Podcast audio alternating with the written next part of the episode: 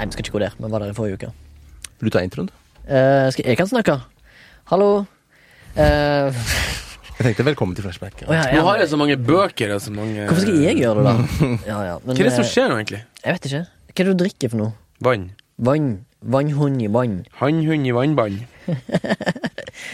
Eh, velkommen til Flashback. Eh, det er andre gang jeg har gjort eh, intro. Eh, den første gangen jeg gjorde intro, var bare når meg og Morten var i studio. Men det- hadde ikke meg og deg to soloepisoder? Jo, jeg var syk. Sjuk i flere uker, du. Men Hva var det? eh, eh, Ja, eh, det, du hører stemmen til Remi. Jeg er fra Haugesund. Og med deg har du meg. Og med meg har jeg Baba fra Oslo. ja. Og Morten fra skogen utenfor Mo i Rana.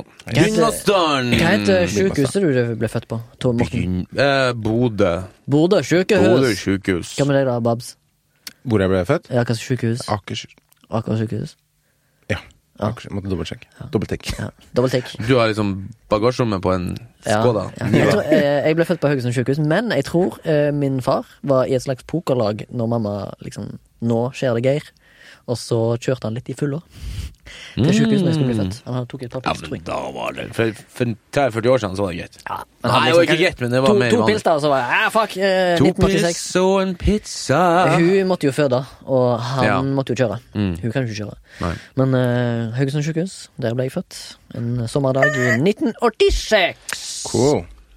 Ok, Eh, jeg skal bare kjapt i gang. Vi skal kjapt i gang, gutter. Jeg skal ikke uh, ta over rollen som programleder, men uh, Baba han sitter med pennen og lurer alle sammen her i rommet med et eller annet. Men vi skal til ukens flashback, og siden jeg begynte forrige uke, så skal jeg begynne nå òg. Vi skal til flashback, sant? Dere du Ja. har flashbacks? Ja. Morten har ikke sett noen ting? Ja, okay. Jeg eh, var på kino og så Jojo Rabbit. Ja, kult. Mm, den nye filmen til Taika Waititi. Uh, han, spiller, han spiller Hitler. Og så er han jøde. Han er en jøde, liksom. Det er ganske fett. Men uh, filmen, superbra. Underholdende som faen. Stilig. Uh, hva heter det? Uh, sånn hjertevarm. Eh, det handler jo da om en, eh, en mann Nei, ikke en mann. Er det liksom parallelt univers? Nei, det, altså ikke egentlig. Det er jo humorbasert univers, men det er jo basert på slutten av krigen. Eh, Den tyske armé liksom Det er tofrontskrig. eh, Det er Ting er på vei til helvete, sant. De vet at de taper, men det handler jo da om Jojo eller Johannes.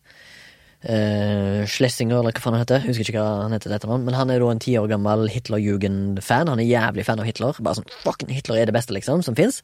Og så får han opp Hitler, da. Hitler er liksom sånn, eh, hans usynlige venn. Ja, ok. Og spilt av da regissøren sjøl, Taika Waititi.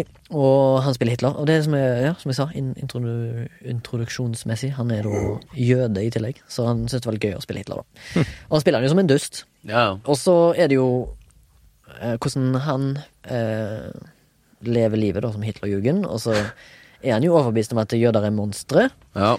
Men så, selvfølgelig, som alt, så har jo alltid en karakter en slags reise. Mm. Der de oppdager noe Noe som forandrer livet til denne her Jojo. På mange måter. Ja. Veldig gøy film. eh, Veldig sånn fargerik film. Fordi at eh, Taika Waititi sa i et intervju at eh, alle filmene han har sett, du ser Saving Private Ryan og Band of Brothers, alt er så bleak og he rain heavy, det er grått og trist og grønt og mørkt og faens oldemor. Men Krig. han har gjort undersøkelser, da, og dette her liker jo Morten. Folk som gjør undersøkelser. Han, han likte at Å, faen, han, han fant ut at på slutten av uh, the, the, the Third Reich så var det veldig fashionable. Damene gikk rundt i fine, flotte, fargerike klær, og det har han liksom gjort her. da Det er en fin og fargerik by, det er sol og fint og Ja, ja. flott og grønne merker og Ja, For det er liksom sol selv om det er krig, liksom. ja, det er det, det, er det. det er sol, selv om det er krig. Men eh, de er jo da inne i en eh, nameless by. Eh, handlingen foregår da, men eh, ja. Løp og se. Veldig gøy film. Kult. Ja, min flashback eh, som vanlig Nå har jeg ikke konsumert så mye i det siste, men liksom det kom en ny serie på Magic the Gathering Arena. ny sånn her uh, Greit. Er sånn guild en sang. Det har jeg holdt på litt med, og så er jeg på med med Witcher. Og så har jeg sett eh, en del på eh, Jeg prøver å konsumere litt av de her programmene, i hvert fall det ene jeg har vært med på, det her Mesternes mester. Det har du snakket om? Ja, men jeg har fortsatt, jeg fortsatt å se på det. Fortsatt å se på det. Ok, sorry. Eh, og så har jeg begynt å se på eh, noe annet som jeg ikke har sett på lenge, faktisk. Uh, 71 grader nord, kjendisedition. For jeg er jo eh, ikke fan av, men jeg liker han eh, Onkel P ganske godt. da liksom, og Jeg tenkte meg at- tenk litt på det at han rapperen, da. Onkel Pål Ja. Onkel P. Paul Tøyen. Pål Tøyen eh, fra eh, den gruppen, rappgruppen. Eh, hva jeg skulle fram til? Ja, det er at uh, han er veldig sånn mediesky figur, da. Han, du ser ikke mange intervju eller sånn tull Han er ikke med i sånn tulleprogram, liksom. Så da, Hver gang vi møtes. ja, han var med der. da Det var faktisk det første jeg så han noen gang, faktisk. Og det var ganske kult, da for jeg fikk liksom se han litt grann, eh, privat. Og nå ser jeg han på det her, og det er liksom uh, Kul fyr, da. Liksom, har, du ser han har, har mye sånn indre konflikter, men uh, så er det Struggling artist. ja, ja.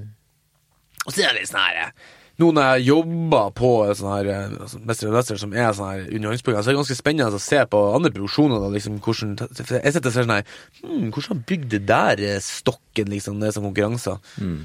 Uh, og så er jeg ferdig med det. Hei. Kult. Eh, jeg så Rolling outro. Jeg har sett uh, den uh, Disney ny Nei, remake. Hva, Disney hva kan man da?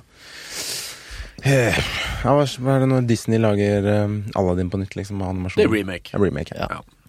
Plain and simple. simple. Hva heter det på norsk? Omgjøring? Nei. Ja. En omlaging. Nyinnspilling. Nyinnspilling! Morten, er du er en gud på ord! Jeg er norsk. Du, har, du er en ordsmed. Jeg er en ordsmedarang. Jeg så den eh, hjemme sammen med Ida og Hvem er Ida? samboeren. Jeg spør for lytteren. Jeg spør for lytteren. Ja, jeg, jeg, jeg vet det. jeg vet det Fordi når du sier Det er som når Morten sier 'Jeg var kjerringa, så en film Ja, da vet vi jo at Ja. det må være kjerringa mi. Meg og samboeren. Ja. Ja. Um, og forventer jeg ganske lite, for den har liksom fått sånn milde kritikk. Hva var det du sa? Aladdin? Var det, Aladdin, ja. ja. Men jeg jeg syns den egentlig holdt seg ganske greit. Og jeg huska jeg husker veldig lite fra originalen, men jeg vet at jeg har sett den ekstremt mange ganger, for jeg hadde det på VHS, og likte den, jeg liker den veldig godt. da Det er originalen, ja. Ja, ja. Jeg syns den er kjempebra. Uh, så jeg var litt usikker på For 'Løvenes konge' ny-innspillinga Jeg likte Ja. ikke noe godt, for det, det, det mangla liksom emosjonelle, da. For der hadde jo Det var så ekte at de ikke hadde disse ansiktsuttrykkene til dyrene. Ja. Mens i den her så var det jo heldigvis ikke så mye dyr med.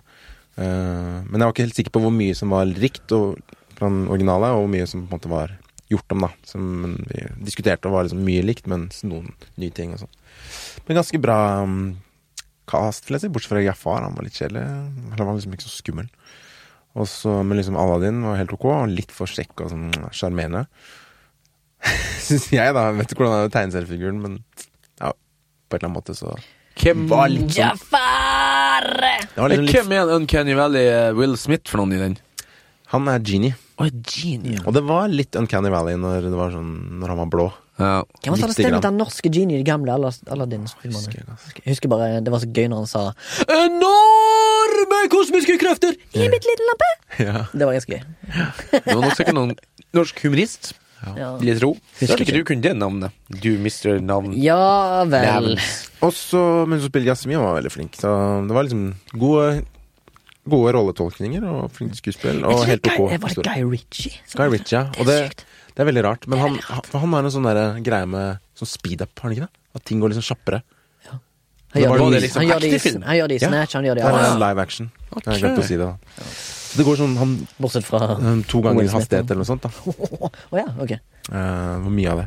Um, og så Du ser at det er mye penger i budsjettet og alt sånt. da Men uh, det, var, det var jævlig funny, husker jeg. for første halvdel, når han liksom fant lampa og Will Smith. Uh, for alle prek, preker Alle preker jo Lovpriser jo han derre ja. Robbie Williams.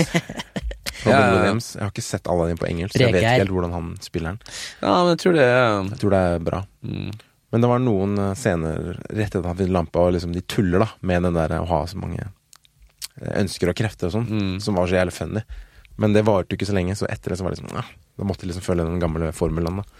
Så da var det litt sånn eh, Litt på skinner. Mens akkurat det var veldig gøy. Will Smith har noen comedic chops, men ikke alltid. Noen ganger. Nei. Så verdt å se hjemme, kanskje ikke på kino. Men Fett. Skal vi ta den der lille klar, Morten? Hæ? Er du klar? nå? Er du klar med lydeffektene dine? Jeg- Så jeg skulle teste en sånn eh, historie, bare en liten historie, ikke sant? Okay. For publikum. Okay. Med ASMR. Med ASMR, og hvor da Skal jeg lage lydeffekter? du er lydeffekter. Skal jeg holde Der tar vi på lufta. Remi holder kjeft. Remi holder kjeft. ok. Tegn og Follies. Nei, faen, jeg fikk vann i glasset! Du må, du må lage lydeffekten mens vi går, da. Ok. Ok. Kom igjen nå, gutta. Africa, Africa. Dia, a young boy, walks through the jungle at night. It is quiet. He stops, listens. Mosquitoes buzz around him. Elephants in the distance.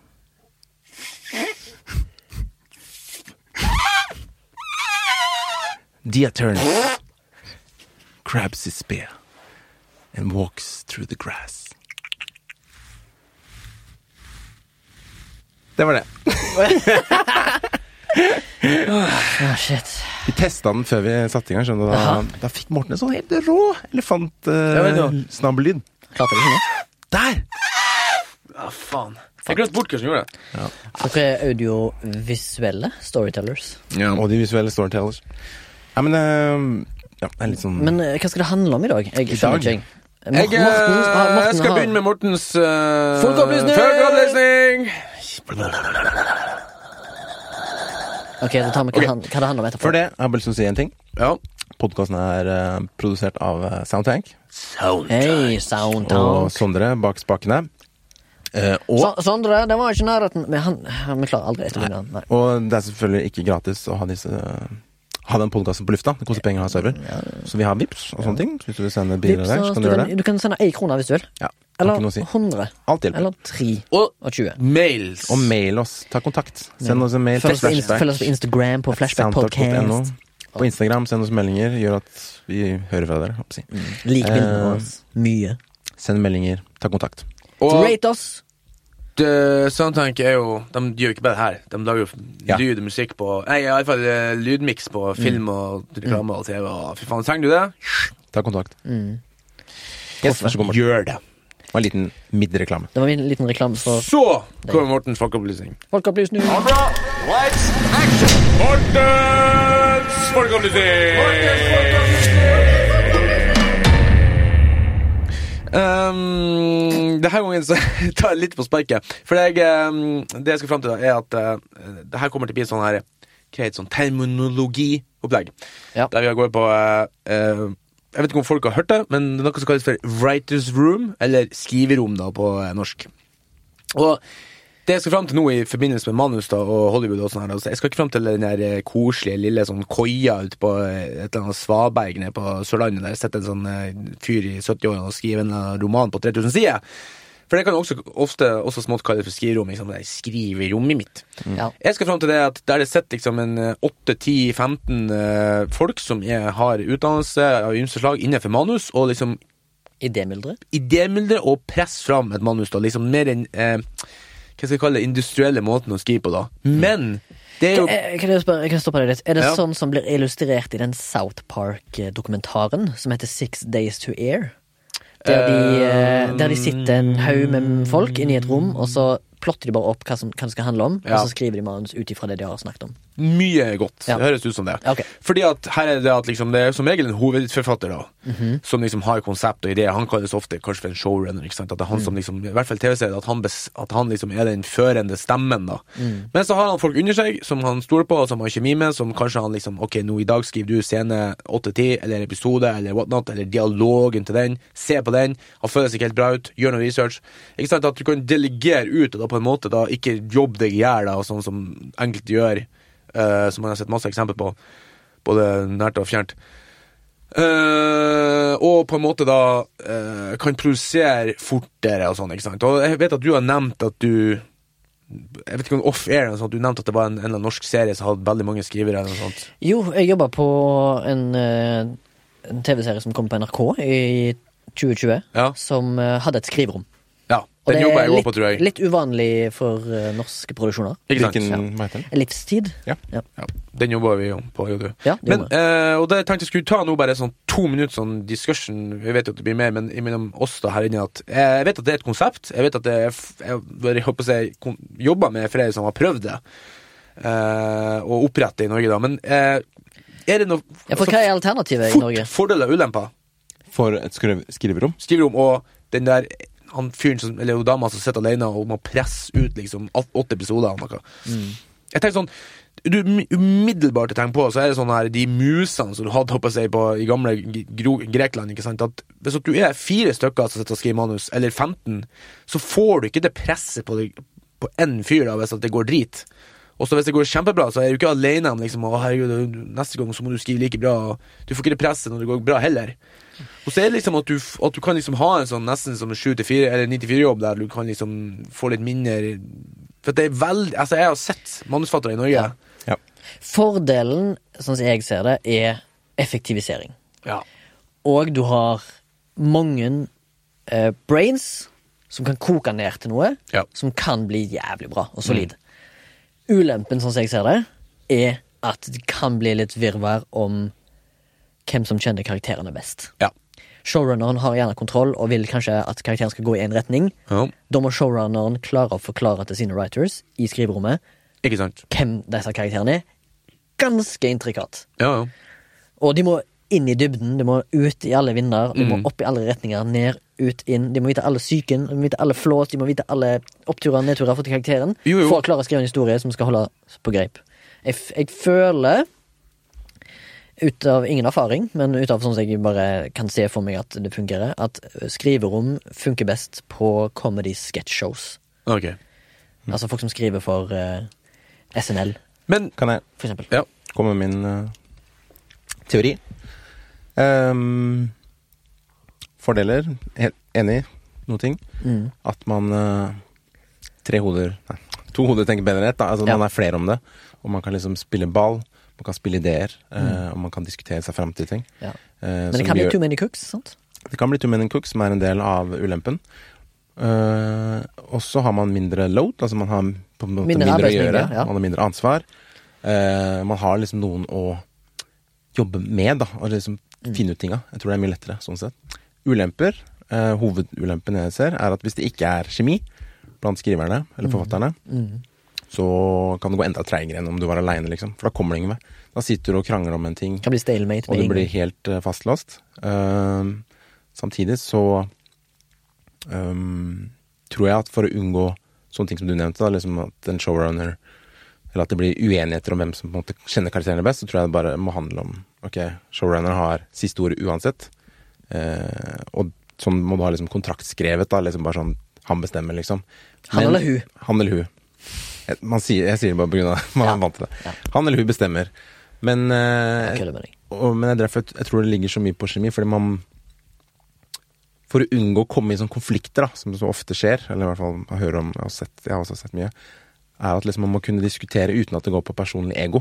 Man må liksom diskutere om historien.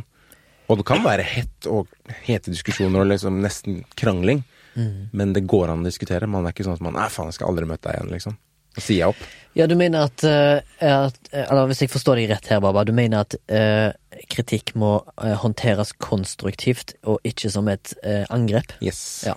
Akkurat. Og da, hvis, hvis man får til det, Mm. og man har kjemi, Mm. Og man har liksom rett, uh, rammer, da. Hvem som, gjør, hvem som bestemmer, liksom. Mm. Eh, så tror jeg man kommer mye lenger i skriverom enn om man gjør aleine. Jeg Men hvis ikke man har de tingene, Mm. så tror jeg man kanskje kommer mye lenger aleine. Jeg er enig i at skriverom har mer fordeler enn ulemper. Eh, men eh, Morten sa jo sånn at det kan være 15 skribenter. Det synes jeg Jeg kanskje tror det er litt litt, for høres mye. ut. Ja, Jeg vil det jeg si- bare, jeg tok noe bare ifra Ja. Men for eksempel, da, i, i, for eksempel i en uh, krim procedural, sånn CSI-aktig, ny historie for hver episode, Ja. så funker det gjerne å ha ganske mange forfattere som kan Mm. kan håndtere én episode hver, for eksempel, eller at to håndterer én episode hver. Der er kanskje fordel å ha flere i Writers Room. Men hvis du skal lage en miniserie på Åtte, episoder, åtte-ti episoder, som skal være solid fra begynnelse til slutt, så er det bra å ha mindre tall. Fire-fem, kanskje. Fire, Seks. fem, seks, tror jeg. Ja, for liksom, det er jo Selvfølgelig kreativitet går jo veldig sånn ofte da har vi jo merka at liksom så du blir dømt Eller hvis noen liksom kritiserer et veldig sånn Et kreativt prosjekt Kreativitet er veldig nært. Altså veldig sånn her hva heter emosjonelt. Ja, ja, selvfølgelig. Ja, For du liksom på en måte utleverer litt av deg sjøl. Det er jo sånn at uh, veldig ofte når du skriver, så utleverer du jo ting du har sett eller erfart sjøl. Ikke minst når du begynner å bli proff, så så kan du jo se andre liksom, og utnytte andre situasjoner, men i starten i hvert fall så bruker du veldig mye av egne erfaringer. Men for å se på en annen måte, da, så var det jo ganske mange folk som skulle til for å sende de første menneskene til månen, ikke sant? Ja. Og ikke sant, selv om det ikke er akkurat du kan sammenligne med at det er et kreativ prosess, så må det jo være folk som på en måte kan inn ut den raketten. Og alle sammen må være 100% enige om hva de skal gjøre, og, og dra i samme retninga. Så jeg tenker sånn det her må jo, det må jo være også et snakk om at du må liksom ha folk som At du har en tydelig leder, og at du har folk som liksom ikke på en måte skal liksom gjøre karriere. For det, det vi har snakket om før, liksom, at i Norge er det veldig sånn at eh, forskjell på norsk og utenlandsk bransje. Sånn I utlandet så er det veldig sånn at du, du kan være proff i, i falske tre og stein. På, på James Bond så kom det opp en gjeng som kun jobba med det. De hadde med seg masse steiner liksom kvist og sånn, og var dritgode på å dandere ut kvist og stein. De var proff på det, liksom. Det var liksom, jeg tror, andre generasjon. Mens i Norge så jeg tror jeg liksom følelse at du at folk går bestandig liksom og, skal, og ønsker å få jobben til han over deg. Ikke sant? For det er bestandig klatring i Norge. liksom Det er en som snakker om ja, når skal du bli sjef, da? Når skal du bli klatret til neste steg? liksom De er så opptatt av det jævla karrierestigen. At hvis du trives på et nivå nede i stigen, så blir du nesten liksom sett ned på. Ja, han har ingen eh, ønsker om å bygge karriere. Han jobber på Rema, liksom. Hva er det for noe? Jeg så et intervju med ei liksom, Kiwi-dama? Ja.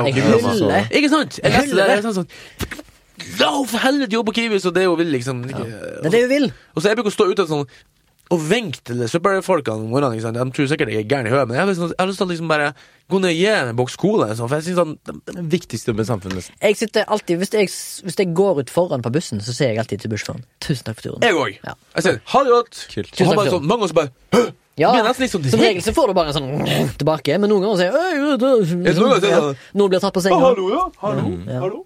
Bare når jeg går inn. Spesielt når du går inn, for da kan du liksom Ja. Hallo! Kan liksom se dem i øynene. og- Digger folk som jobber, ass. Elsker hardtarbeidende mennesker. Som liker det dere med. Som Og- elsker det de holder på med. Ehm, faen, hva skulle jeg si nå? Jeg Jeg ikke skulle si jeg ehm, showrunner om blub, blub, blub, blub, blub, blub. Jobb, Jo. karriere. At liksom Jo, altså det kan jo være at eh, man plutselig At man ikke er en match i skriverommet heller. Eller Ja, at man ikke ikke er sant. en match for akkurat det prosjektet. Ja. Eh, og at det bare ikke funker. Sånn som eksempel man kaster feil, eller feil regissør for prosjektet. Jo, jo, men hvis du er proff, så mener jo at du skal kunne jobbe med et manus Ja, med en annen person uh, nesten uansett, liksom. Ja, men si at, uh, si at den ene forfatteren skriver hvis, altså, Showrunner mener han skriver Han hun skriver ikke godt nok. Eller det er ikke, det, det er ikke den retten vi er på vei i. Ja, Da må du kunne si det. Ja, og da må man kunne snakke om det. Ikke sant? Må man kunne finne en løsning. Og der er kanskje inne på kjernen av problemet, at det tror jeg er veldig sensitivt, spesielt i kreativitet. Ja. Og Hvordan kanskje- sier du til en person Ikke sant? Uh, Du skriver for dårlig. Ja, Men det, er ikke, det som Det er ikke det det det, som er problemet, egentlig. Så Nei. det er bare at vi er i feil retning. Du, du har jo sagt det, det nesten det man burde si. Da, liksom, at Ja. det her, jeg tenker liksom mer det at bla, bla, bla. Jeg er liksom sjefen, bla, bla, bla. Og så skal jeg si en siste ting at eh, det er vel du som har sagt det flere ganger, Morten, at Abraham Lincoln Han var liksom aldri Han hata å være i rom med jammen. Ja. Han elska å være i rom med der han møtte motstand. Han fylte rommet med nei-menn, basically. Fordi det er sånn man får utvikling. sant? Ja. Man kan finne løsninger og bli bedre. De tingene som kom ut av det rommet som han har foreslått, Mm. de var helt ekte. For de måtte, han måtte kjempe det ut, ikke sant? Men det er ikke som Elon Musk sa jo at han ansetter ofte eh, smarte folk som er late. Fordi late mennesker finner alltid en ny kreativ måte på å gjøre løsninger som er harde. Ja, det. Ja. Og eh, det, det ligger det jo noe i, da. Eh, kanskje ikke på skriverommet alltid, men eh, det er jo alltid Det er jo som du sier med, med linken, da, at du får en motstand, og så løser du det på en bedre måte. Mm. Og det går det an å gjøre i all slags aspekter, med Ja, ja. arbeidsliv og liv og alt. Det er lederskap, da. Sånn som oss. Se på oss, da. Her sitter vi, tre gutter som har et liv utenom, og så bruker vi mange timer i uka på å spille inn en podkast for å prøve å underholde et knippe mennesker som hører på jevnlig. Og for å få Og vi det, gjør det, og ja, vi gjør det helt gratis. Og i tillegg, det, det, er jo det tar jo en time og halvannen for å spille en episode. Og så, har vi, jo til, og så har vi jo i tillegg forberedt oss i forkant. Ja. Flere timer, kanskje. Noen av oss. Når vi- Spesielt når vi lagde de listene.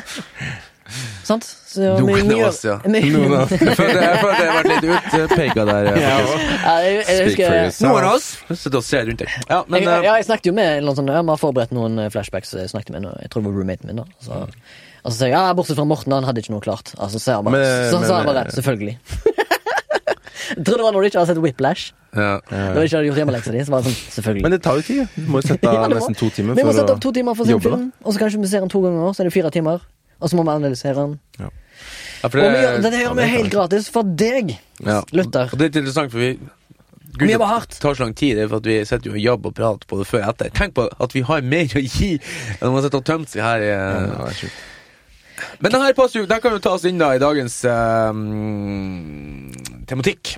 Spalte. En ny spalte jeg har tenkt å prøve. da Som vi skal des dedikere hele episoden til den spalten, så vi har vært å kalle Eller jeg har vært å kalle Skriverom. Ja. Skriverommet. Skriverommet. Ja. Liksom inside story. Inside Eh, story. For vi, eh, vi driver jo i hvert fall Vi skryter jo i hvert fall at vi driver og sitter og skriver litt igjen på fritida. Og liksom eh, Så jævla flinke. Ja, vi er flinke. Vi er ikke flinke, men vi øver oss på å skrive. Ikke sant? Ja. Og det her, er på en, det her skal liksom tick off flere ting i en sånn boks. da Det her skal liksom være en øvelse for oss. Eh, for, at, det, for å se det basic, da, så vil jeg også prøve å uh, det, det Tanken min var at vi skulle prøve å utvikle et manus eller en slags historie da på lufta. Ikke hjemme, for at, eh, så slipper vi å gjøre hjemmelekser. Men vi gjør det på men, Her og nå. Ja, Du litt er- også for at liksom eh, Elon Musk hadde ansatt deg fordi at Ja. du er en latmann Ja, ikke sant. som finner på nye kreative måter. Jeg, jeg, er veldig, jeg er veldig ikke lat fysisk. Men Ja, liksom, ja. jeg, når jeg, jeg tida liker å filosofere over verdensrommet og sånn, men uansett, da. Ehm, tid. Tid. Å, tid er sirkulær. Mm. eh, hva var det jeg skulle si nå? Ja, jeg blir veldig fort distrahert. Uh, Eh, ja, at vi skal utvikle konseptet her og nå, på grunn av det at uh, også, også litt sånn for at uh, om det er noen lyttere som eventuelt er interessert i det, og hvordan det er å utvikle manus Ikke det at vi kan det, men de kan være litt med. Og hvis de kommer på noe lurt mens vi sitter og snakker, send inn en uh, SMS, melding. Han der dusten, han var ikke med. Ja. Ja. Hva lo av? Nei, bare lydeffektene. Ja. Lag en lydeffekt nå? Ja. Ja, du lager jo lydeffekt hele Altså, tida. SMS, jeg skjønner at det er litt gammeldags, men i hvert fall eh, Send oss en SMS òg. Send oss en faks. Eller hva var det vi fant ut at du holdt på med? Røyksignaler? Det var så sykt analog. Denne karakteren var dårlig. Stopp. Ja. Han gikk ut. Ja, Så For du vil at vi skal utvikle et, uh, en historie? En, et, et, et, prøve det. Ja. Vi begynner helt ifra scratch. At vi begynner, vi, I dag da så blir det liksom episode én. Vi får se om vi lager en episode til, men vi, får, vi skal iallfall prøve. Mm. Eh, I dag så skal vi liksom bare Det er meningen at dette her skal bare droppes sporadisk? Ja. Ja, Plutselig sånn, så prøver vi den i en episode. ikke sant? Ja, ja. Det er ikke noe sånn uh, fast, da men det blir ikke hver gang. Sånn, hvis noen som syns det er kjedelig. Men uansett. ja, det er sikkert noen som syns det. Ja. Eh, I dag så skal vi liksom prøve å komme inn på det første som vi må gjøre. Bli enige om liksom i retning, tematikk eh, og litt sånn her eh, dogma for en sånn serie, ikke sant. Mm. Eh, så tenkte sånn, da kan vi jo diskutere litt fort og fast, liksom. Vi må jo bli enige om en, ofte en sjanger. Det kan jeg tenke meg den første. jeg, jeg tror vi jeg tror Trenger nødvendigvis ikke.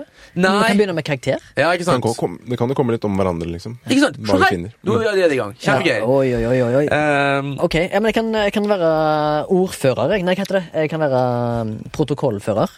Ja. Å, fy faen. Litt. Men du må også være med å Ja, jeg kan være med litt. Diskutere. Ja, men, jeg, men jeg skriver bare i stikkordsform, for jeg skriver på en pad. Og så ser vi jo hvor langt du kommer, og det kan jo være gøy for uh, og lytterne liksom få et slags innblikk i bare Skriveprosessen. ren diskusjon, da. ja. For Så her med eh, et skriverom, nå, Som ja. lytteren kan kanskje ta del i òg. Fordi det er, ikke, det er ikke alltid det bare er skriving, liksom. Man sitter seg sjelden ned og begynner å skrive Å, shit, nå kommer, det tenkt en, noe. eh, nå kommer det en jævla Nå kommer det en liten flashback til meg her. Uh, fra de to, det, det, Nei, nei, men så da, dette, har, det, dette har ingenting med dette her å gjøre, nesten. Men de to forrige episodene vi hadde, med topp ti år, tiårets filmer og sånne ting så det, det var egentlig et tips fra en lytter som jeg fikk på personlig SMS, jeg, fra oh. Magnus. Han sendte en melding og sa Kanskje dere tar en sånn tiårskavalkade med deres favorittfilmer? Det hadde vært kult. Så Magnus, takk for tips. Ja, Shit. kult. Det har vært mye stoff uti på den eh, Jeg glemte å si det i de to forrige episodene, men her, her har du det. Håper du fortsatt lytter på. Og ikke blir stoff. Ja. Ok, Uh, men ja. Uh, vi må jo uh, let us begin. Ja. hva, hva, hva er det liksom Hva begynner vi med, da? Ja, det er det som er gøy. rela- relaterbart tema? Ja, men liksom, først er det jo Ja, hva har man lyst til å fortelle, egentlig? Har vi noen inspirasjon? Det er Ja. det første jeg begynner å tenke på. Er det noe som er det noe du brenner inne med? Jeg er jo en følelsesløs kalljævel. Jeg har lyst på hevn. Hevn. Hevn mot samfunnet. Ja. Hevn mot the greedy few. Ja. Mm. Det De som tar fra meg penger. Mm. De som tar fra meg liv og rettigheter. Og så jeg, jeg har lyst til å fortelle med undertekst. Det er det jeg liker. Ja, ja, ja. Ja. Ok, så da har vi Noterer du? Vent, da. på. eller, det- ok. Hva var- Herregud, er vi kommet så langt? Ja. Vi, kan, vi kan alle sammen notere et gang. Skal vi ha hevn som motiv? Men hevn er jo veldig sånn der Men- tvetydig. Det, er liksom, det kan være både positivt og negativt, men mest negativt. Vi kan heller ha en faktor med hevn. Ja. Ok. Men man kan jo Vi bare Her henger vi opp Skal vi ha liksom flere tematikk? Even, forresten? vi henger vi, vi noterer oss bare emneknagger. Ja. Så det første du kom på, var hevn. Mm. Eh, med- Jeg, jeg likte jævlig godt når Morten i forrige episode, hvis jeg ikke husker helt feil, uh, tang in cheek her, men eh, eh, når han snakket om uh, sin topp ti-lista, Hvis du ikke har hørt den, forresten, hør den uh, igjen. Og, men han snakket om Annihilation og den derre At tematikken der var liksom sånn sjøldestruerende. Ja. Og der har jo hevn litt aspekter inn i bildet, fordi hevn i seg sjøl er jo ikke forløsende for noen, egentlig. Det er jo egentlig bare en, kjapp, en, en kjapp medisin som ikke er langvarig. Ja, ja. Det kan fikse et problem der og da, men det kommer til å ha effekt på et senere liv. Så det kan være litt sånn sjøldestruerende, da. Men det er kanskje litt negativt? Ja, men det er, sånn, det er jo fascinerende at vi mennesker må konsentrere Altså, vi, må jo, vi går jo rundt hele dagen og konsentrerer oss om ikke å perish. Vi er jo de mest sjøldestruktive. Eh, Hvis vi får lov, ja. så har vi og spist alt sukkeret og drukket all spriten, Ja. og, Ja, og bare hoppa Ja, vi har et slags eh, Vi helt- vi, har, vi lever etter en slags etiske regler. Kan du tenke, eller noe sånt tenke på? Ja, men så, jeg vet jo det at hvis jeg, hvis jeg gjør det, så, så, så blir jeg jo sjuk og, og, og verst først død. Vi er jo vi er veldig sånn, vi er veldig dyrisk styrt. Jeg bruker jo å si til kjerringa at jeg kan forklare alt. Ja, ja.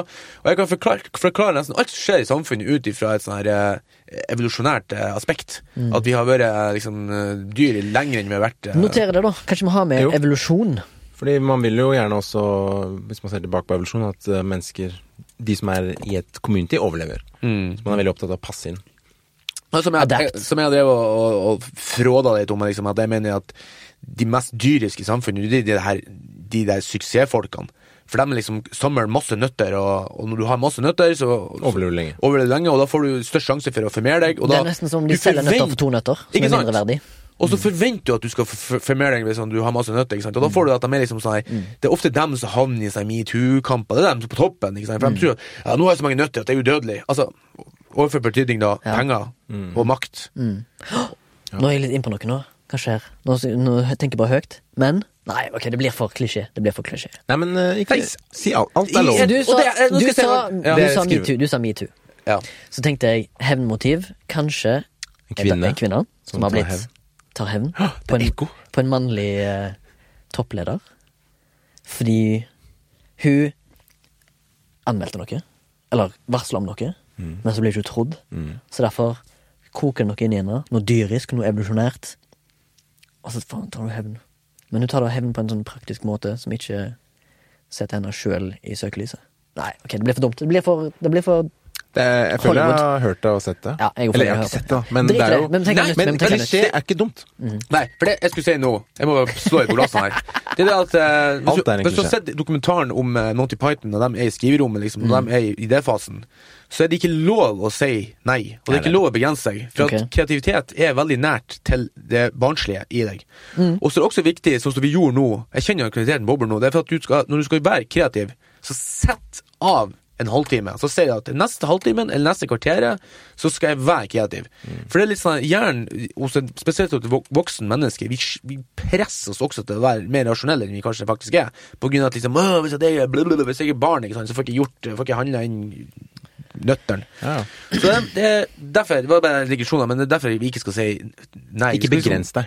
Ingenting er dumt. Ikke sant? Det er, men du begrenser deg fordi du er menneske, og du tenker jeg må passe inn, jeg må ikke bli utstøtt. Ja. Så jeg er redd for å si hva jeg føler. Ja, men sånn er det jo. Du reflekterer jo det vi snakker om, Mm. når du sier det. Så For eksempel var jenta på åtte år som tegner Gud, og så spør læreren sånn Ja, men det er jo ingen som vet hvordan Gud ser ut, og så sier, de, så sier hun De vil om fem minutter. Hæ? De vil det om fem minutter. Å ja, når du er ferdig? Han er ikke så bra på norsk, da, men sånn They will in a bit.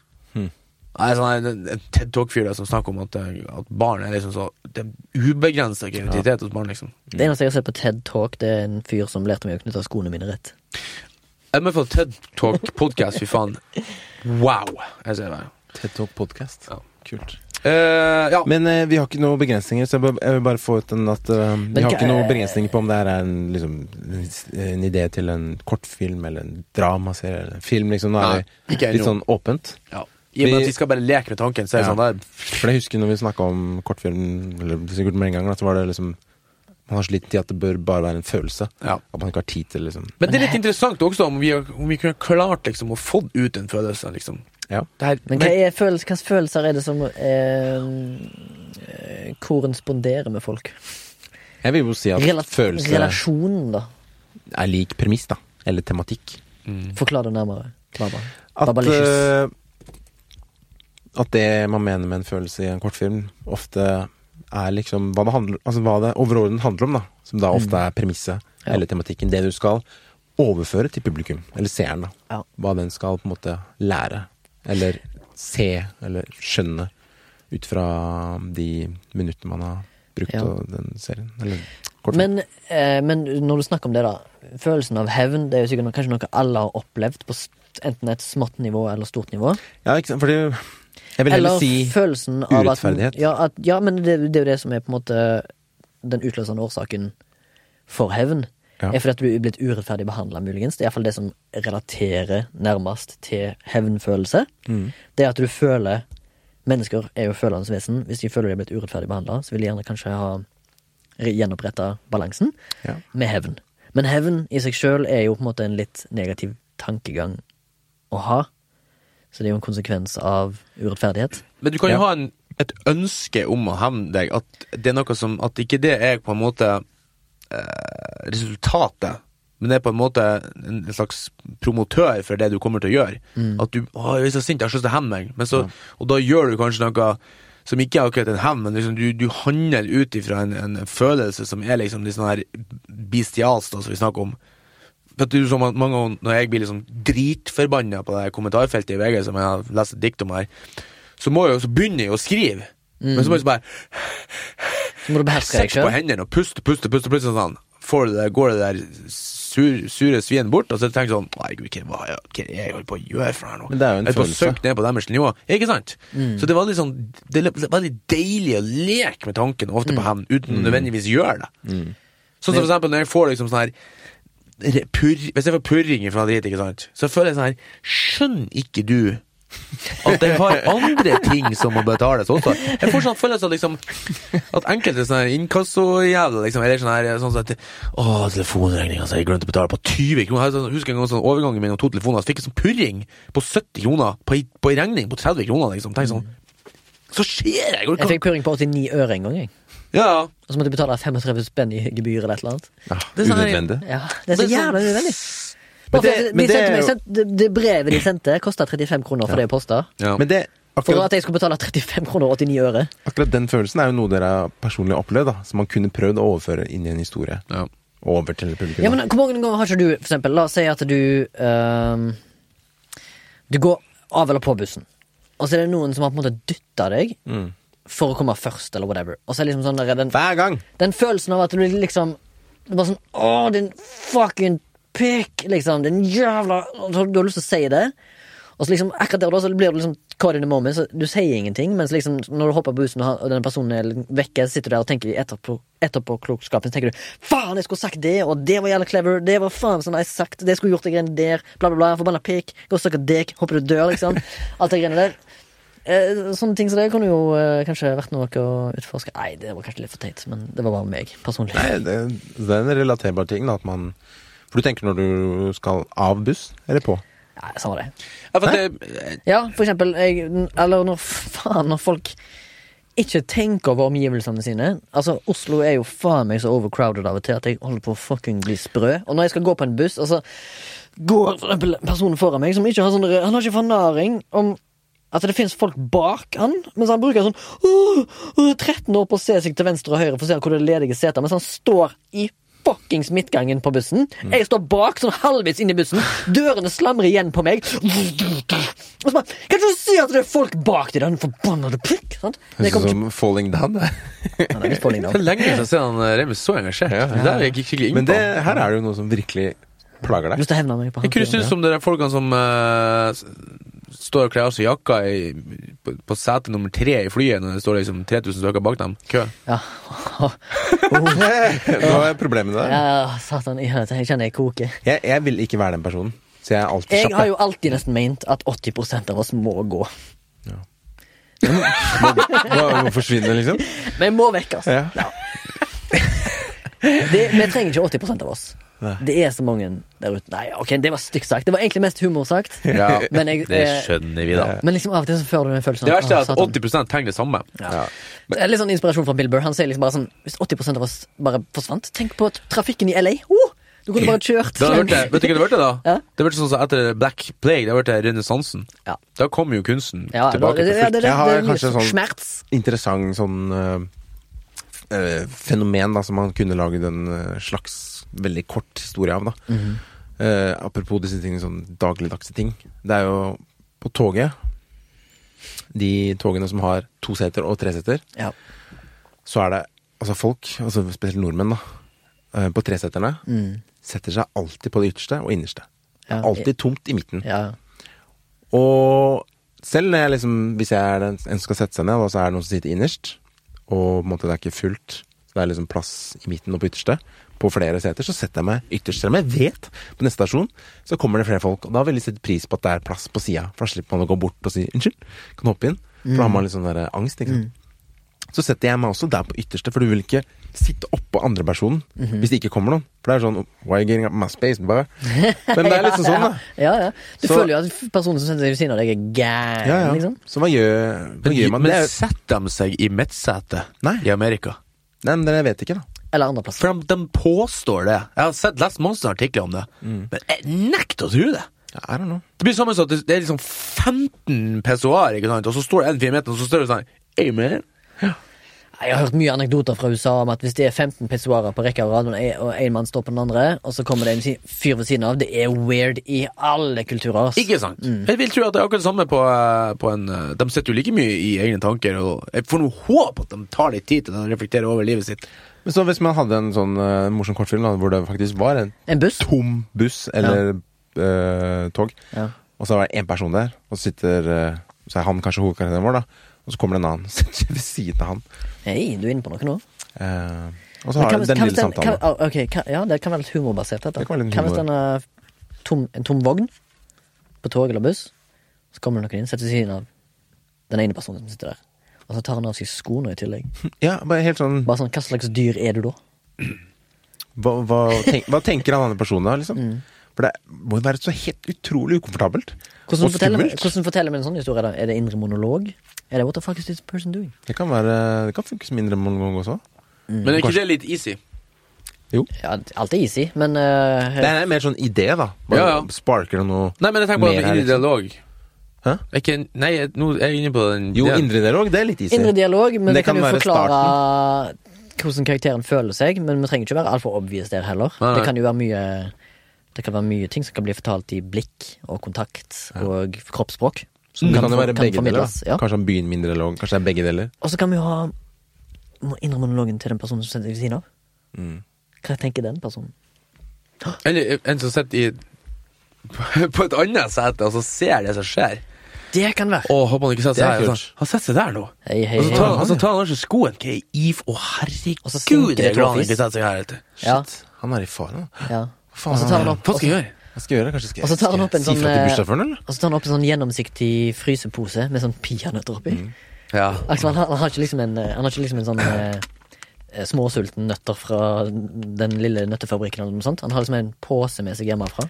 Da er du inne på liksom sånn mystikk, da, når vi fikk den tredje personen der. Mhm. For da, hvis vårt publikums si, perspektiv er hos han, så er vi på en måte, da vet vi like mye som han, og da sitter du og Faen, hva skjer nå? Hæ? Hva skjer nå? Hvorfor kommer han? Det, Det er sånn humorgrep å, å ha en, et vitne. Ja. Du kan aldri altså, Det er sånn tommelfingerregel at du kan, du kan nesten ikke lage humor med bare to personer. Liksom. Du må ha det der fyren Hvis det er en fyr som står og plages med et belte, og så skal liksom kompisen hjelpe ham, så kommer det en fyr inn sånn, og så blir det sånn Beep, beep, Ja. beep, beep. Ikke sant? Det er sånn her uh, Vitne Du blir på en måte da, sånn uh, tatt ut av. Mm. Hva hvis denne personen som setter seg ved siden av den andre personen her, skal hevne seg? Der fikk vi hevnen inn, ikke sant? Kanskje kjenner hverandre. Jeg skriver dette her opp, jeg. Tog som er tomt med to personer, så kommer tre inn. Men uh, vi glemte jo å nevne liksom, rammer og sånn Eller glemt å nevne. Man kan nevne, altså ha rammer, da. Og dette er på en måte en slags ramme, da. Vi kunne hatt hele historien i det togsettet. Ja. Eh, Maks to-tre personer. Eh, ikke sant. Så jobber man innenfor de rammene òg, for det kan ofte være noe som gir deg ideer, da. Ja, det husker jeg jo vi lærte når vi Hvis vi skulle skrive kortfilm, da, så var det lurt å tenke litt økonomisk. Altså, og da tenker jeg sånn, Det er litt sånn synd, for da tenker man jo begrensninger fra første sekund, liksom. Det er vanskelig å lage et kammerspill Ja. med tre personer i et rom, altså. Men det er fin Og trening. Og, Men det vanskeligste her kanskje er jo at vi ikke lander i JJ Abrams-fella. det er veldig lett å komme opp med 'Å, det er kult', å, det er kult. Men hvordan skal det faen ende?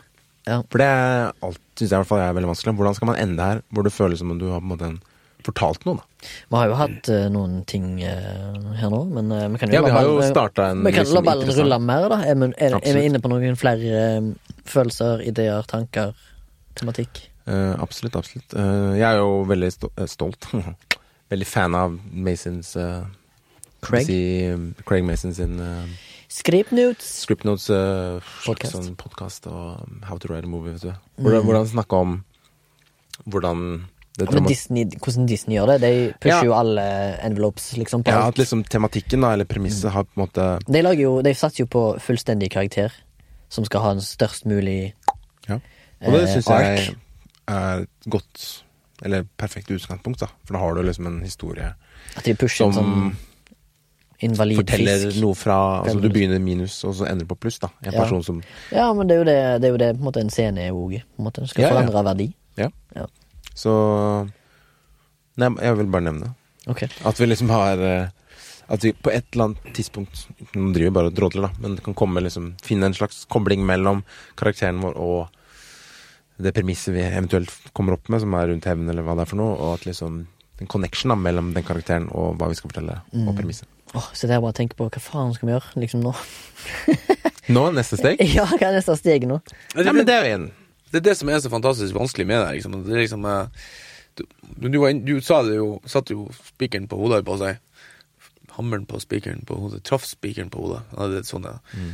At uh, det er helvetes slutten. Ja, det er- liksom, hva, men, og det er derfor vi nå begynte vi litt sånn her å skrive noe ut ifra en inspirasjon. Og det, det, det bra å få det ned, men det er liksom ikke det, det, er ikke det vi ønsker å fortelle. Vi ønsker, vi ønsker ikke å fortelle det at uh, folk ikke setter seg i lag med hverandre på bussen. Det er bare en, det er en, en en Idé. Ja, det er en idé ut ifra en, en, eh, en visuell eh, erfaring du har Ja, gjort. det er kanskje litt, det er kanskje litt eh, kjedelig. Så, Og ikke for Ja, det er- det er ikke en historie ennå. Nei, det er ikke det. Det er ingenting. Nå er det bare en idé. så det, det vi ønsker å fortelle, er jo for eksempel det at uh, Innerst inne som ønsker vi alle sammen å Eller alle sammen er egentlig egoister, for eksempel. Ja, eller at alle vi ønsker å passe inn. Ja, men alle sammen er egentlig en egoist. Selv om du er en egoist som tenker bare på deg sjøl, eller om det er en som gir masse penger til, eh, til veldedighet. Det er en sånn filosofi som går ut på det at begge to er like sånn sjølsentrert. For du føler deg bra når du har gitt penger til liksom en veldedig sak, da. For eksempel. Og, det, det, og, og da liksom, hvis man tenker på at det er premisset, at alle sammen er egentlig sjølsentrert, la oss si at det er et veldig forenkla premiss, da, da er det nesten ikke nøye hvilken historie vi bruker. Hvis du, hvis du, skjønner? Nå tenkte jeg på noe helt annet. Ja, jeg så det. Fade ut. Men eh, ikke sant, da kan du fortelle historier om eksempel, som du snakket om for en stund siden, liksom det her med arveoppgjør. At det er en veldig Ja. stor oh. et problematikk. At liksom syv av ti arveoppgjør går i, i rettssak. Og, eh, det, og der, sant, der er det veldig mange som er si, sjølsentrert på en egen Eller sliter på, en, på sin egen måte, da. Noen er kun opp, eller vil ha penger, og er faktisk superkynisk. Noen vil ha liksom uh, føler at de på en måte betydde noe i livet til den som gikk bort, og føler at de blir litt sånn neglisjert på at de ikke får penger. Liksom, de har forskjellige måter å, å, å vil ha de pengene på. Noen vil bare ha quick cash, noen vil ha bekreftelse på at de betydde noe for personen som gikk bort. Noen vil liksom ikke ha pengene, de vil kanskje ha noe med affeksjonsverdi. ikke sant? Det er sånn ofte det blir krig, da. Ja. Og så begynner jo krig opp imot hverandre, for eksempel. Jeg føler at jeg er bedre enn deg, egentlig. Men jeg vil jo liksom, hva, hva er den Jeg tror det viktigste med når man forteller historie, er egentlig karakterer. For det er liksom Historie handler om En historie handler jo om en karakter. Ja. Det er det vi husker. Mm. Uh, selv i uh, Nature Documentaries, liksom. Eller i Planet Earth, hvor de har en, en veldig kjent uh, fra Planet Earth 2, tror jeg. Hvor eh, det er et sted på planeten hvor det blir født sånne Er det slanger? Nei. Det er noen sånne krabber, tror jeg, på en sånn strand. Og hvis ikke de krabbene på en måte kommer seg fra der de blir født, eller liksom der eh, Jo, der de blir født, til andre sida av stranda, uten å bli drept av disse slangene som lever av de, så dør du, liksom. Og så har de løst det på en sånn måte at du liksom følger en av disse Jeg vet ikke om det er en krabbe, da, men du følger en av disse krabbene. sånn igla eller øgla. Igla er det kanskje. Eller øgle. mener er det, øgla. øgla. Hvis han ikke kommer seg over, Mm. så er livet hans ferdig, da. Mm. Og selv der, da, så er det jo om en karakter, liksom. Ja. For det er så jævlig spennende. Mm. Kommer han til å klare det? JJ Abrams, da. Han må springe. Ja, nei, ja, hva faen, hva springer du for? Ja. Altså, det er liksom sånn For livet. hva, hva, hva er det som plager deg, da? Men det er jo ytterste konsekvens for den øgla, eller hva faen det er. Ja. At eh, Der er det that's the end of the line. Mm. for den. Så Men i mener- motsetning til Star Wars er det faktisk ting som er et stake.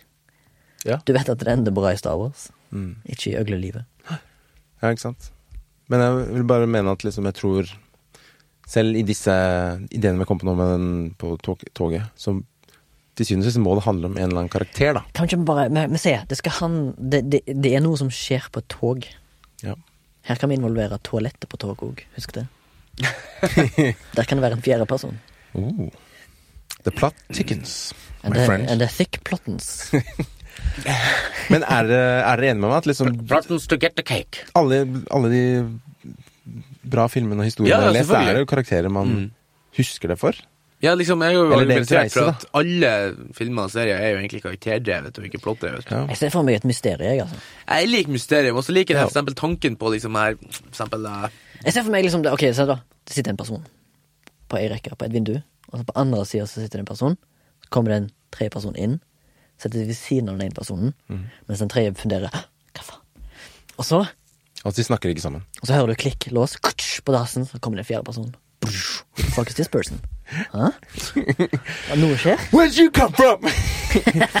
ja, ja. Høres jævlig teit ut, men, Men altså, eh, liksom, what the fuck? Hvor hva hvis man konduktøren? involverer et mord, da?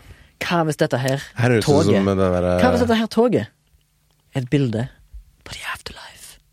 At fuck, vi må Ja, nå er du inne på noe. Ja. For det, ja, det er lik. Det er liksom å tenke sånn at Altså, even in death, there are assholes who sit next to you and put, take off their shoes. Kult. Kanskje det er parallell? Hvis at man liksom klarer å få livet Urettferdighetene inn i livet inn eksempel i et lunsjrom Mm. Det er billigere å skrive lunsjrom Mhm. Hvis vi kan flytte på toget et Kjapt eksempel, ikke sant? Ja, men det driter vi i. Vi driter, i liksom hvilke begrensninger vi har, gjør vi ikke det? Ja, ja. ja, nå er det bare drolling. Og da tenker jeg sånn at liksom hvis man klarer liksom For jeg liker jo overført betydning og det her relaterbare parallellet som jeg brukte på skolen. Sånn her. Stør, jeg, jeg må dra det opp. Jeg elsker dem. Uh, så er det sånn at uh, hvis man klarer å liksom fortelle uh, si meninga med livet, men uh, et, et, livet i et nøtteskall inne for eksempel på et lunsjrom At liksom han ene fyren som bestandig tar eh, Alt mat. og det, god mat, ta all mat, ikke sant? Mm. Og så liksom eh, At man klarer å ha en, en, en, en At man klarer liksom å overføre betydningen av undertekst. Ja. Om livet og om karakterer og forskjellige personligheter, liksom. Mm. Fordi han som tar mye, har, det er jo en person, et personlighetstrekk. Mm. Og så er det han som påpeker det. Eller hun. Mm. Også et personlighetstrekk. Men ikke liksom hva vi skal fram til Det er akkurat det ikke, hva er det man skal fortelle, og det er, det er det som er så vanskelig. da Men man må jo begynne et sted, og all drodling er bra drodling. Ja, ja. Um, Skal vi se Hvis vi har Kommer det, inn det en, der- det kommer inn en konduktør, da. Og han sier «Ah, dere skal av på neste. Alle sammen. det er der jeg eh, Når Eller når skal du av?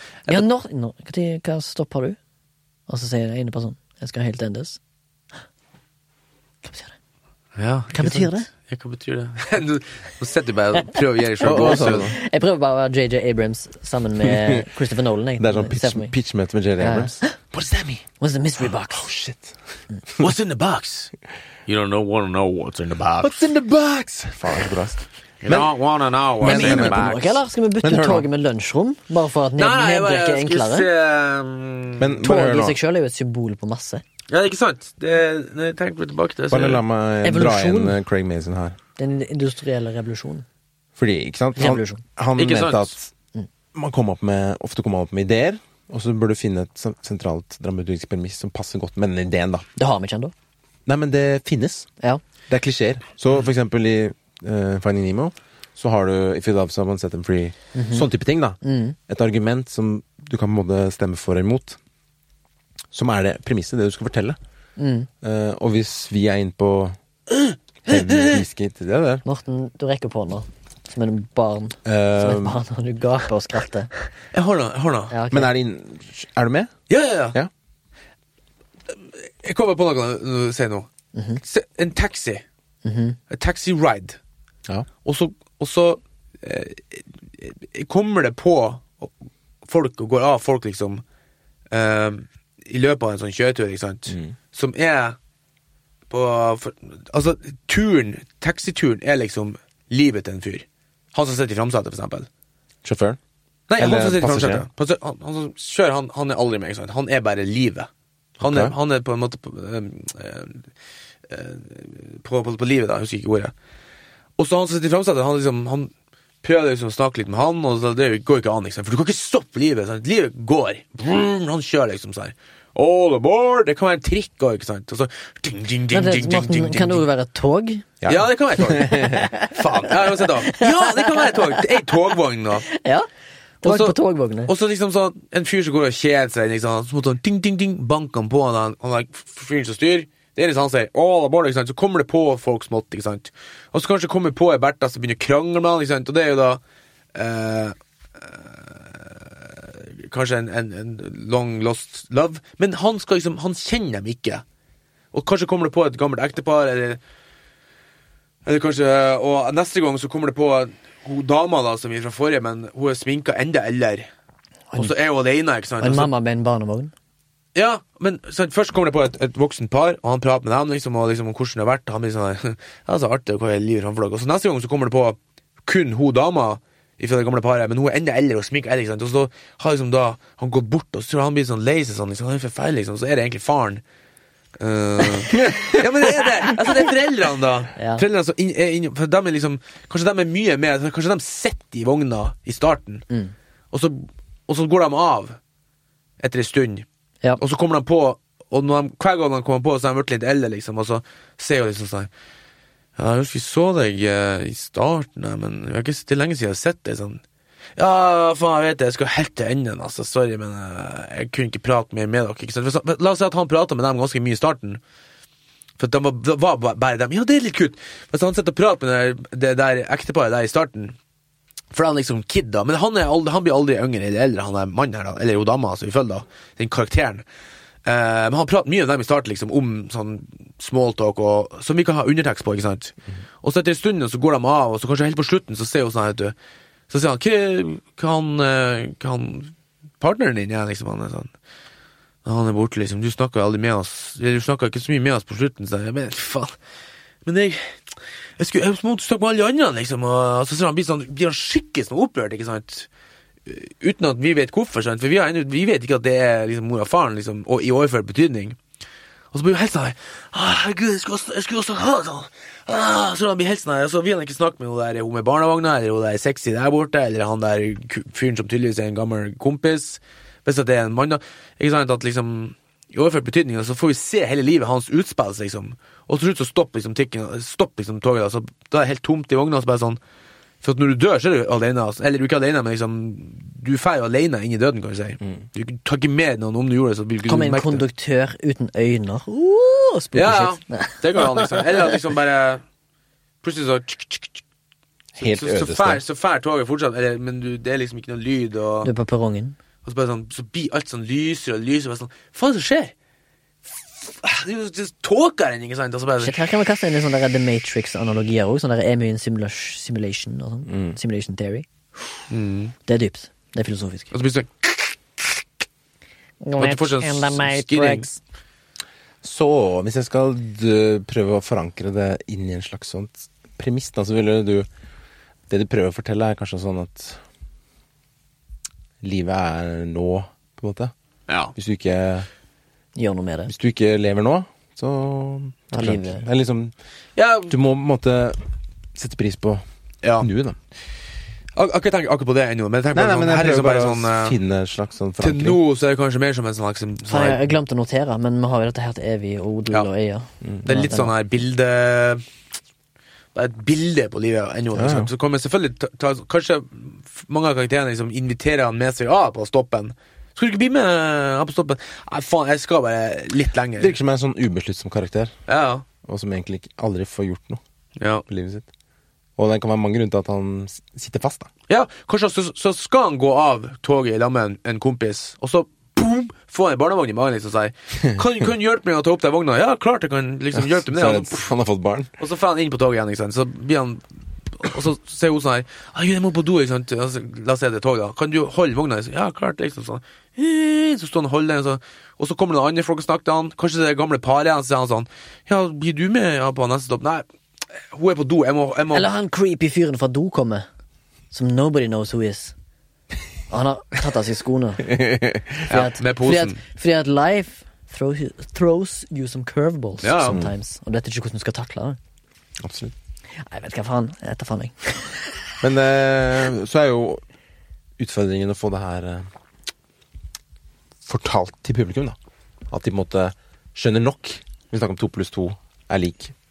Ja, men tror jeg han kommer til å forstå det omsorg etter en stund. Men det er jo Ja, men det er jo, det er jo utfordringen, Ja. å få det til, liksom. Men det er spennende.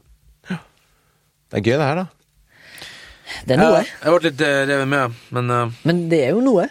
Men du Ja. kjenner, man kjenner at det det, Jeg syns jo det er morsomt å utvikle ting. Ja. Bare Siden vi har så kort tid, hvis du skjønner. det er gøy å kjenne at man plutselig har et At et univers plutselig dukker opp. Ja. At to synapser vokser i hop ut ifra en dialog, liksom. Mm. Det er jo det som skjer. Det er fysisk noe som skjer på hjernen, liksom. Og det er vanskelig å gjøre det aleine, vil jeg si. Ja. men, hva har du drodla ned nå, Remi? Jeg har skrevet ned eh, at det er prat med masse forskjellige folk i aspekter av livet hans. Mm. Eller hennes. Jeg tok det første. Jeg skrev hevn. Altså opprør mot samfunnet. Gaysket slash grådighet. For Ja. jeg- skulle nevne han Taylor Sheridan. Han, når han uh, bruker inspirasjon til å skrive f.eks. Winner, og sånn, så bruker han ofte urettferdighet som man ser i samfunnet, da, Ja. som en slags sånn drivkraft Ja. til å fortelle noe. Samme som Wind River og Come Hell or High Water. Eller Ja. Hell or High Water heter vel filmen. Sånn, der er jo økonomi og Mm. Jeg liker også den type tilnærming, da. Og sånn som arv og syns jeg er veldig interessant, hva det gjør med folk. Penger. Mm. Men eh, det her var kult. Jeg tror vi kommer til å gjøre det her igjen. Ja. Vi må jo, eh, Vi må jo komme fram til et eller annet. vi må komme fram til et eller annet som Ja. er mm, Men eh, det tar tid. Eh, hei, Ja, norsk filmbransje. det tar tid. Så um, Men skal vi Skal vi skrive ned noe på fritida. Ja, for det er jo litt sånn Du vil jo ikke gjøre lekser, sa du, men eh, vi kan godt gjøre Ja, nå ble det. jeg litt sånn faktisk gira. du, ble, Ja. du ble det, ikke sant? Jeg ble litt engasjert. Jeg tror du går Men, hjem og men jeg skriver en føler gang. vi må ha litt Nei, jeg føler Man ingenting. jo- Men jeg kan utvikle litt sånn Jeg vil ha en sånn mysterium. Ja. At det, det, er annet, det er et eller annet rart der som skjer. Ja. Jeg liker også mysterium. Men det er ikke noe i veien for å notere seg litt. Nei, så kan men man jeg presentere liksom det denne her da lufta. mystiske tingen, gjenstanden, øh, oppdagelsen, whatever. McGuffin. McGuffinen må liksom påvirke vår karakter Mm. noe enormt. Men hva det skal være i et kort format, det vet jeg ikke, for jeg aner ikke. Det er vanskelig, liksom, Mm. å finne ut. Som du sier, en kort historie må generere en følelse, ikke et plott. Mm. Men øh, hvis, hvis dere skriver, eller hvis jeg skriver på fritida, så kan man jo ta diskutere det Ja. på lufta. Det er jo Vi kan ta det det. neste gang, da. Skriverommet del to kommer i framtida. Mm. Husk at vi, um, vi har jo flere andre ting på tapeten. Vi må se en film som vi skal analysere Ja, for en lytter. Den må må du ta med, for den må låne. Ja, vi må ta den snart. Jeg håper jeg har den på Blu-ray. Ja. Litt sånn der, eh, litt skummelt å vite om jeg har den på Blu-ray eller på DVD. Og da, hvis det er DVD, så ligger den i Haugesund. Ja. Eh, hvis ikke, så bare skaff man den. Ja. Og så må vi, skal vi ha en topp ti TV-serier siste ti Det har vært kult, det. Ja. Kanskje. Ok, Kanskje. jeg skal prøve. Prøv. Jeg har jo ikke Jeg har jo sett, Eller topp fem, da. Jeg har sett åtte. Vi Så. kan eventuelt ta topp fem. Mm. Du du har topp åtte, men så har du to stykker som er bæsj. Ja. For dette er det du har sett. Men nå har du jo Night Off å se, Mm. Mhm. Etter nå så er det enkelt greit. Det er jo eh, det er, ikke si det. Ja. Cool. Takk Ja. for denne gang. Vi dro jo en reklame hjem i trenger Yeah. å si det. Reklamen kom i midten. Dritten i midten. Hva skal vi si da nå, da? Nei, Har dere noen flashbacks? Nei, noe under radaren? Jeg kan ta, jeg så, jeg vet ikke om jeg har snakket om før, jeg, Flint Town på Netflix, dokumentarserie om politiet i Flint, Michigan, som har altfor dårlig råd, og eh, som det er med alt i livet. Filmen handler i Nei, dokumentarserien handler om noen karakterer, og de karakterene er bare så jævlig bra, da. Det bare, den eh, dokumentarserien viser bare på hvor hvor viktig det er å ha likende karakterer foran skjermen. Og de er ekte. De er ekte politifolk. Som jobber skamhardt imot elementene som vil de ikke vel, da. For de har ikke penger til å polise en by på størrelse med Bergen, liksom. Oh. Og de har, de har mindre politi enn Bergen. Fordi de har ikke råd. Ingen, alt, hele byen er bankrupt. Og de, har politi, og de kjemper og jobber på, og de liksom strever og stresser, og de liksom blir utsatt for all slags form for påvirkning og dritt fra samfunnet, liksom. Men de jobber på, og det er bare så sykt inspirerende å se folk som er liksom down in the gutter, som bare jobber på for det om. Se Flint Town. Se in town. Bra tips. Takk for oss. Takk for oss. Takk for alt. Fram til neste gang. Takk for alt. Until next time.